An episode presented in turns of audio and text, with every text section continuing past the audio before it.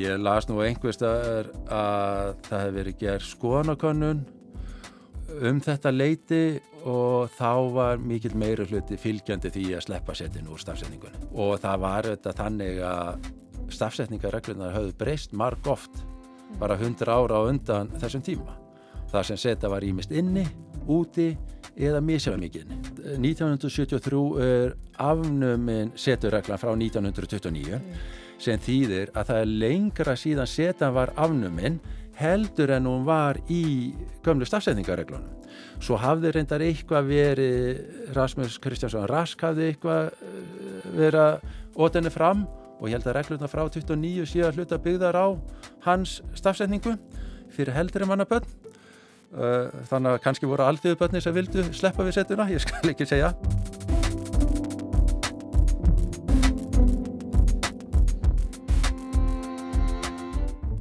Seta var afnuminn úr íslenskri stafsetningu með þingsáleiktun í september 1973. Ákverðuninn var umdelt og allir talsverðu fjadrafóki í samfélaginu. Brynjólfur Þór Guðmundsson, fréttamaður og sagfræðingur, revjaði nýverið upp umfjöllun bladana á þessum tíma í færslu á vef Rúf. Ég heiti Guðrún Línberg Guðjónsdóttir og þetta er þátturinn Orð af orði.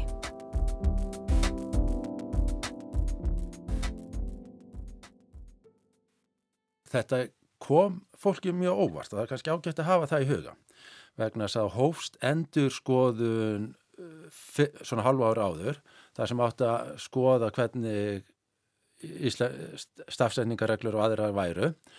En það var ákveð bara laung áður en þeirra endur skoðun hófst að uh, taka setuna út úr allavega ofinberi stafsendingarkjenslu og þetta kom fólki óvart og menn vissi ekki alveg hvernig að bregast við og við sjáum það á sumum blöðunum þá bara heldum en áfram með sína setu. Og ég vísir talaði við fréttastjóra allara dagblæðina og þar á meðal var reittstjórin á mokkanum sem sagði nú bara morgunblæði ætla ekki að snúa baki við setunni bara rétt síðan svona. Og það þeirti bara komið í ljós hvernig þeir myndu hvað þeir myndu gera í þessum öfnum. Alþjóðblæði reyndar Eh, var fyrsta bladið sem byrtist með forsið þar sem var engin seta en frettastjóri alþjóðblaðsins Sigtryggur Sigtryggsson sem síðar hefur um áratu að skeið vera á morgunblæðinu hann sagði þannig viðtalið við vísi að þetta væri svona uh, daldið í gamni gert að sleppa setunni og að það væri verulega skipta skoðanir um setumálið innan riðstjórnar svo var vísi, já, vísir fjallaði þetta um þetta en það var bara eitt dagblæðana fyrsta daginn sem bara saði þetta er nýja reglurnar og hér með setja hann uh, horfin úr okkar blæði og það var þjóðvilinn og þá var Svavar Gesson setna þingmaður rittstjóri og hann sagði bara einfalla sem málgagn ríkistjórnarinnar nummer eitt mun þjóðviljin fylgja hennar umbóta stefnum í einu öllu þjóðviljin verður því setulös hér eftir. Þáverandi mentamálar á þeirra Magnús Torfi Ólafsson tók ákverðunum afnám setu með auglýsingu 4. september 1973. Þar var að finna reglur sem áttu að gilda um stafsetningarkenslu í skólum, um kenslubækur útgefnar eða styrtar af ríkisfið og um embættisgögn sem útværu gefin. En var þessi breyting til góðs? Já, það má nú deilum það eins og við vitum þá urðu miklar deilur um þessa breytingu á sínum tíma og stóðu í enn fimm ár og um, uh, það eru auðvitað ekki til góðs í sjálfu sér að stopna til delina. En um, þegar frá hefur liðið þá virðist vera komin ró á og uh, flestir, alls ekki allir, eru held ég svona sæmilega sáttir við að þessi breyting skildi gerð og það eru auðvitað til góðs. Þarna heyrðum við umfjöllun Ríkisjónarpsins og viðtal við Baldur Jónsson lektor Þegar aldarfjórðungur var síðan setureglur voru afnumdar. En hvaða reglur voru þetta sem feldar voru úr gildi 1973? Ekkert megin svona voru þær skýrðar í lögbyrtingarblæðinu þegar seta var tekinu upp árið 1929. Rita skal setu fyrir upprunalegt DS, ES, TS, bæði í stopni og endingum Þar sem tannstafurinn þar að segja D eða T er fallin burt í skýrum framburði. Til dæmis hanski skrifað H-A-N-Z-K-I vegna þess að D í handski var fallið brott í skýrum frambörði. Lenska skrifað L-E-N-Z-K-A vegna þess að D í lendska var fallið brott í frambörði. Gæska skrifað G-I-Z-K-A vegna þess að eð í gæðska var fallið brott. Og svo voru það ST-endingarnar. Þið kallist skrifað K-A-L-L-I-Z-T vegna þess að eð í kalliðst var fallið brott í skýrum framburði. Hefur barist skrifað B-A-R-I-Z-T vegna þess að eð í bariðst var fallið brott. Flust skrifað F-L-U-T-Z-T vegna þess að T í fluttst var fallið brott. Og svo stistur skrifað S-T-U-Z-T-U-R vegna þess að T í stittstur var fallið brott. Samkvæmdi reglugerð sem mentamálar á þeirra undirritaði 4. september 1973 og byrtist í blöðunum næsta dag átti að hætta að nota setu í stafsetningarkennslu, kennslubókum og þeim gögnum hins ofinbera sem hugsuð voru til útgáfu.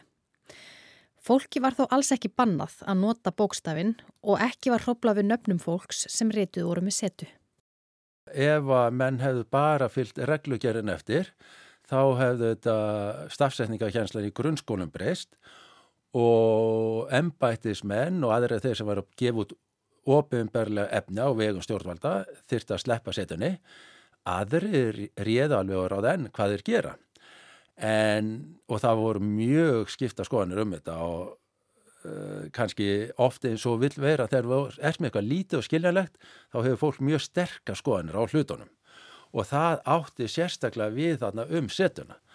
Og menn tókust á um þetta uh, út í þjóðfélaginu, í þingsölum á síðum dagblæðana og morgumblaðið kallaði til mikla andansmenn, allt kallmenn sem segir kannski að þetta var árið 1973 og fekk þá þessa miklu andarsmenn til þess að segja svona, byrju, hvers vegna er verið að gera þetta? Og er einhver ástæð til að gera þetta. Og þarna kemur meðal annars Haldur Haldósson sem var formar þeirrar endurskoðunar nefndar sem var að fara yfir stafsetning og greinamerki. Hann sagði bara þetta er það mikil innföldun á stafsetningu að við töldum rétt að fara í þetta. En svo geta menn hafa sína skoðun á því hvort þetta sé rétt eða ránt. Og vegna þess að var búið ákveða að taka setin út úr stafsendingarkjenslunni, þá var það gerst strax þó annað byggð til setni tíma. En svo voru aðna aðri sem morgunblæði talaði við sem voru ekki alveg jafnkáttir. Nú Baldur Jónsson, lektor, eh, hann sagði að það væri allt og langt gengið. Uh, sérstaklega það sem að væri ekki bara setan væri að dett út heldur, væri að dett út fleiri stafir úr stopni orða oft tíð á undan setunni og það svona fannst honu miklu verra og svo ég orða bara beint eftir honum þetta fannst honum hálger nöðgun sem að ég veit nú ekki hvort að menn tækju þannig til orði í dag Já, Baldri Jónssoni fannst oflangt gengið Sérstaklega þar sem það væri ekki bara seta sem fjalli út heldur líka stafir úr stopni orða. Þá er einnig verið að fella niður téð sem er í stopni sagnarinnar, saði Baldur við morgumblæðið. Eins og til dæmis flust stafað F-L-U-T-Z-T verður flust F-L-U-S-T og það finnst mér miklu verra. Þótt við ekki berum fram þetta T er mikill styrkur af því að hafa það í rituðu máli. Það hjálpar okkur til að halda tengslum við rótina í orðinu. Þessi beigingarmynd sem hann tekur sem dæmi, sem í nútímamáli er borið fram og skrifað flust, kallast miðmynd. Við höfum nú búið við þessa stafsetningu í 40 ár og vel það, segir Baldur, og er búið að leggja mikið í það að kenna fólki þessa stafsetningu. Að vísu hafa margir lifað tíman að tvenna í þessu efni, hafa kannski lært tvenna eða þrenna stafsetningu og ef enná að fara að gera miklar breytingar þá er það bara til bölvunar að mínu viti. Aðalatriðið er að tilefnið til þess að stafsetningun er breytt núna er að minni higgju svo illa ættað. Það hafa engar breytingar orðið á máli sem kalla á breytingu á stafsetningu. Tilefnið er einfallega það að fólk hefur gefist upp Það er þessi linka og vesaldómur sem mér finnst afskaplega lítil fjörlegt tilefni til að breyta menningaratriði eins og stafsetningu. Og fyrst var verið að þessu, þá mættu nú alveg einfalda fleiri atriði eins og bara afnema öfsulón með öllu. Jú, jú. Um það. Það er auðvitað illa innrætt fólk á ýmsum tímum sem vil fjarlæga öfsulónið sem við Brynjólvar heimsins erum algjörlega á móti. En Erlendur Jónsson íslensku kennari og bókmyndagakrínandi, hann tók til dæmis á þessu í þessari sömu morganblæskariðin og sagði hann um, að mættalega einfalda fleira heldur en bara setuna. Uh, hann sagði að setan hefði vissulega þá sérstuð að hún hefði ekkert alltaf verið virt menn að það væri fjöldi rítöfunda sem notaði aldrei setu og það var líka alltala að fullta fólki sem að uh, kunni ekkert reglurnar eða bara kærði sér ekki um að nota setuna en hann sagði líka að það væri ekki tiltökum ála að skrifa ekki setu. En ólíkt því þá tækir fólk hardar á því að fólk kynni ekki á uppsilónið og sagði orðarétt menn jáfnvel taldir heimskir að kunna ekki fullskil á uppsilón í rituðu máli. Þannig að þetta voru svona skiptaskona en vissulega þá voru menn hérna tölu um ætlar að stoppa þarna eða ætlar að ganga lengra Já. og þegar var komið inn í þingsali þá var til dæmi sagt setan er bara fyrsta skrefið, næst kemur uppsilónið og hvað kemur svo? Ef við tökum til dæmi Sverri Hermansson, hann barðist gegn þessu árun saman á þingi og hérna vara við því að þetta væri bara upp af öðru. En hans frægasta þingræða og lengsta þingræðan í sögunni fram til 1998 var einmitt að stórun hluta um setuna. En það var enda tilviljun vegna þess að síðasta mál sem var á dagskrá fyrir Þingróf 1974 og það var mjög umdilt Þingróf sem að sjálfstæðsflokkur Sverri Sermanssona var á móti að síðasta mála dagskrá var umræða um grunnskólalög. Sverrir fór í púlt og tala í sex klukkutíma og þar af í drúan tíma um uh, það hversu illa afræða væri að fella niður setuna. Þannig að þar virtist honum mjög umhugað um setuna en svo ræða var svona löng bara til þess að tefja þingrófið og stríða meira hlutanum. Þannig að hluta til getur sagt Jú, þetta er bara það sem henn kasta fram. En hann laði fram til 1973 uh, sem var samtíkt fyrir þingróf um að hleypa setun bara aftur í íslenska málið og gerði það aftur nokkrum ára síðar. Þannig að það er svona selga bæði gaman og alvara í sumum að þessum deilæturum. Er ekki aðtiklisvert að hugsa til þess að einn lengsta ræðan bara árum saman snýrist um atriði í, í stafsetningu, um bókstaf? Jújú, þetta er stórmerkilegt og maður ávað erfitt með að skilja þetta núna. Ég er bara nýjönda ára tvörins. Mín helsta tenging við setu var þegar ég las Svals og Valsbækurnar þar sem ílmenni hétt Sorglúp með setu og stór seta framann á og þetta var stafi sem kannast ekkert almennilega við og það er bara tíu árum eftir þessa breytingu. Skiptar skoðanir voru um afnám setu á blöðunum. Þjóðviljin hvað til að mynda upp úr með það samdægurs að setan skilda á brott en morgumblaðið hjælt henni lengi. Kanski gerist þetta endanlega þegar það er ákveð að við prófarkalestur þá er setu breytt í S og ég til dæmis, ég var vakstjóri á fréttablaðinu uh, í upphafaldar til 2005 og ég man eftir því að þá var einn uh, jafnaldri minn, eða því sem næst sem að skrifa alltaf setu í öllum sínum fréttum en því var alltaf breytt í prófarkalestri. Og en það kannski gerist... ekki að þetta ætlast til þess að prófarkalestrin hafi þekking á því hvar setan eigi að vera bara yfir höfuð? Nei, nei, sérstaklega þegar bæði bladamærin og prófarkalestrin fættir eftir að reglunum var breytt. En hérna fyrst við nefndum að sverri á þann, þá mánu kannski nefna eins og ég sagði, það var ekki bara þegar seta var fælt niður sem hann barðist gegn afnáminar heldur gerða það næstu árin.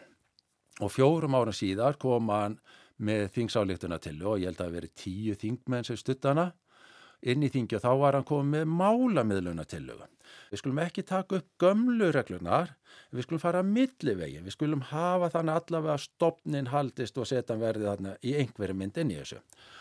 Og þetta var þetta mikil og fjörleg umræða. Mér finnst sérstaklega gaman að eh, skoða umfjöllun morgunbladsins um þessa umræðaþinginu vegna þess að þá er búið að klippa til myndaserju á síðuna sem er í læginu eins og seta bara beint inn á síðuna og það sýnir það að menn gáttu nú leikið sér með umbrót á þessum árum.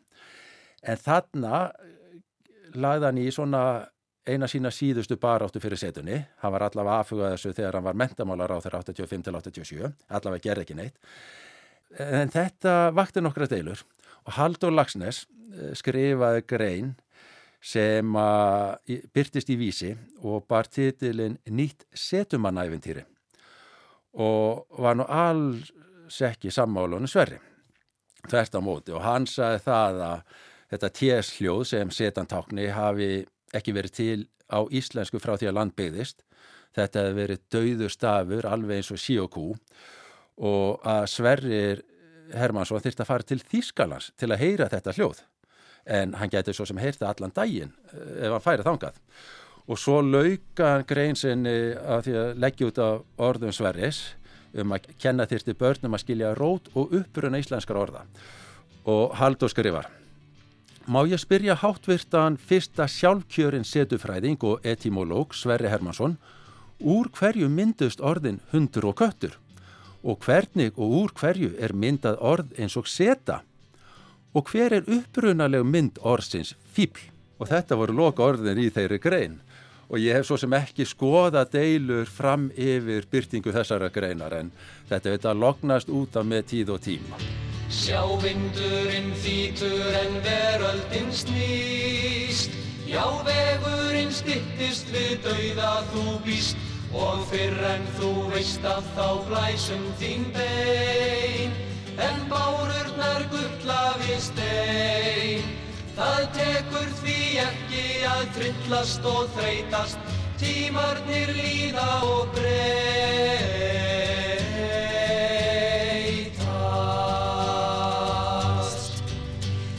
skáldinn þau yrkja og spekingar spá. Já, spertu upp augun og reyndu að sjá hvar skórin að kreppir hver skilda þín er. Skilda sem kemur og fer. Það tekur því ekki að trillast og þreytast, tímarnir líða og breyr.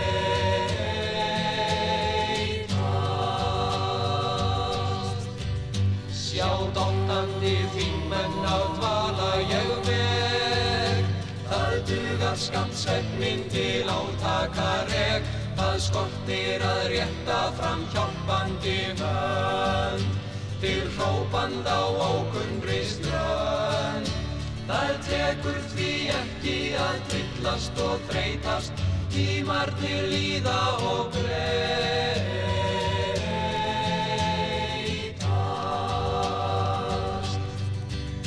Sjá eiturlið þverra og ánægjan knýr Æsku til dáða því tókninn er nýr. Í hörpunni skálsins í huga og sál. Hljómar nú friðarins mál. Það tekur því ekki að fyllast og þreytast Tímarnir líða og breyð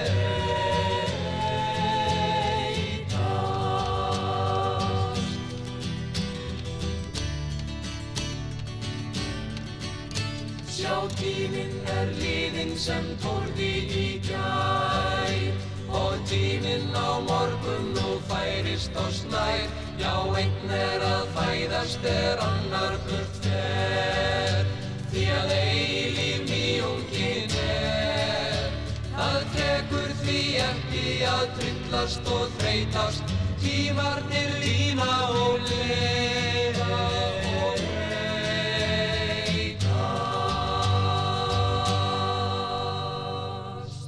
Þetta var lægið Tímarnir líða og breytast. Í flutningi hljómsveitarinnar Lítið eitt. Það kom út árið 1973. Og ég las nú einhverstaðar að það hefði verið gerð skoðanakönnun um þetta leiti og þá var mikil meiri hluti fylgjandi því að sleppa setin úr stafsetningunni. Og það var þetta þannig að stafsetningarreglunar höfðu breyst marg oft bara hundra ára á undan þessum tíma Það sem seta var ímist inni, úti eða misjafn mikið inni. 1973 er afnumin seturreglan frá 1929 sem þýðir að það er lengra síðan setan var afnumin heldur en hún var í gömlu stafsetningareglunum. Svo hafði reyndar eitthvað verið, Rasmus Kristjánsson Rask hafði eitthvað eh, verið að ótenni fram og ég held að regluna frá 29 síðan hluta byggðar á hans stafsetningu fyrir heldri mannabönn. Þannig að kannski voru alþjóðubönnir sem vildu sleppa við setuna, ég skal ekki segja. Sérstakar reglur um nótkunn setu komu fyrst fram í lestra hveri rasks handa heldri manna börnum snemma á 19. öld. Blaðamannastafsetningin svo nefnda tók svo við um aldamótin 1900 og var þá mjög dreyið úr nótkunn setu og árið 1918 var hún alveg feld niður með auglýsingu frá ráðherra. Regla rasks var svo aftur tekin upp 11 árum síðar með auglýsingu um íslenska stafsetningu í lögbyrtingablaðinu 28. februar 1929. Barnaskólar færðust hins vegar undan því að kenna reglur um setu og fimm árum síðar fengu þeir formlega undan þáu. Frá árinu 1934 þurfti ekki lengur að kenna börnum flókna reglur um nótkunn setu. Helgi Hjörvar skrifaði grein 1934 og sagði að já, stafsetningin er þegar döðadæmt, uh, blöðun hundsana, rithöfundar fyrirlítana, kennarar hatana, 5-6 menn í landinu kunnana. Börn get ekki lært hana. Háskólastúdentar get ekki lært hana og hennum fáu forvísumennum hennar er fallin allur ketill í eld.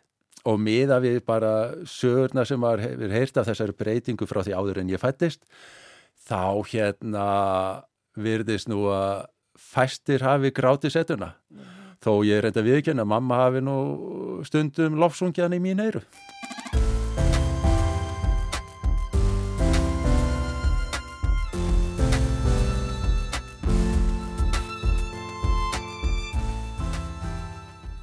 Setan er bara eina mörgum breytingum. Orð hafa skiptum merkingu uh, og bara málfæri fólks. Þannig að ég held við séum bara með það góða aðlögnarhæfni að þú getur breytt ansi miklu án þess að setja allt á kvolf til langframa. En svo sjáum við bara í umræðin í dag það sem er talað um uh, bæði sum orð sem áður voru góð og gild hafa aðra merkingu eða núna eða þá að bara merking sem var góð og gild þykir fordómafull í dag. Einn sjáum við bara að fyrra á þessu árið fór í gang orðasamkeppni um hvað getur kalla mannesku sem á barnabörn en er hvorki kall nýja kona. Og það var fólk sem var mjög reitt og mjög neyksla bara að heyra af þessari orðasamkeppni fannst að þá ætti að taka því nafnið afi eða amma en fatta ekki að það var ekki verið að taka neitt að neinum, var bara bæta við einhverju þannig að þau sem átt ekkert fengið eitthvað. Setan fekk samt að halda sér í jólabókaflóðinu? Jú, það, þetta, þetta gerist í september 1973 og þá spyrir maður þetta, eins og segir, hvað gerist með jólabækurnar? En það eru uh, komna svo langt í allir vinslu að það gerst engin tími til að breyta þeim. Sumar eru kannski ekki bara búið að skrifa, heldur búið að prófarkales og jafnvel prenta þær, ekki farið að eftirkalla þær og svo átti fólk eftir að ákvæða sig ætlar að sleppa setun eða ekki. Þannig að þetta hefur engin áhrifðan í fyrsta jólabókaflöðinu. En svo reyndaði spurning, hefði það haft áhrif, hefði þetta gerst fyrst? Vegna þess að einu rökin voru, til dæmis hjá formanni endurskoðanendar, margi rítöfundar eru laungu hættir að skrifa setu.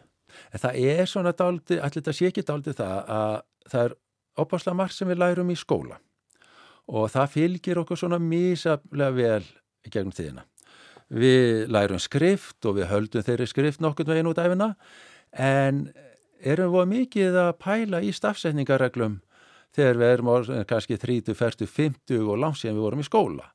Menn að ég auðvitað skrifa á hverjum einasta degi, það er bara starfmitt en fólk sem er kannski lítið að skrifa það gleymir eflaust fljótlega einhverjum reglana uh, og svo er líka bara ef reglana voru jafn flóknar og afilátið lærði fólk ekki bara sjálft að einfalda málsitt og einfalda skrifsinn og við sjáum það alveg bara á samfélagsmiðlum í dag. Fólk er sumi skrifa gullaldar texta með öllum greinarmerkjum eins og best vera á kosið en svo sér fólk sem er ekki með punkt eða annars líkt en skrifar alveg óhika það sem því liggur á hjarta og bara tjáningin kemur út í orðunum frekar en reglunum. Mér finnst ofta tíðum að fólki finnst að rétt íslenska sé svo íslenska sem þau, það fólk lærði í grunnskóla og framhalskóla.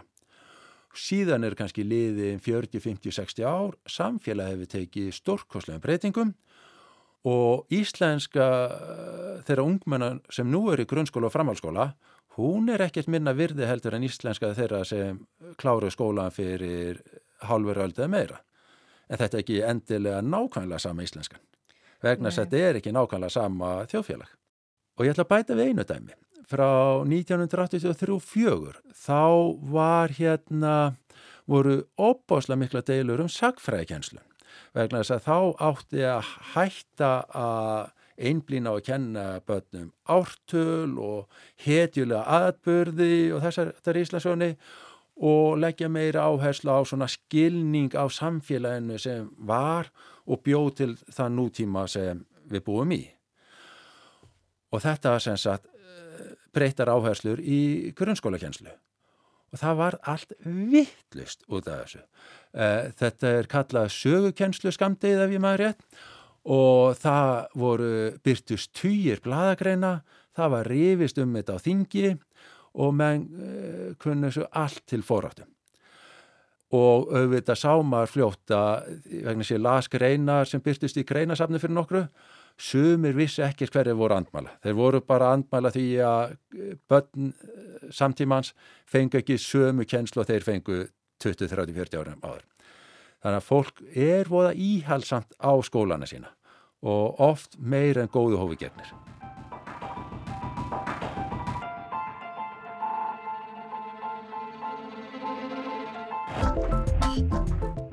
Víst er að ennir til fólk sem sirkir afnám setunar. Þótt hálf öld sé síðan þessi breyting var gerð á stafsendingareglum. Það getur huggað sér við að stafsendingareglur eru ekki lög. Það er gilda um stafsendingarkennslu í skólum og útgefið efni á vegum hins ofinbera eins og segir í núgildandi auglýsingu um setningu íslenskra reytregluna nr. 695 frá 2016.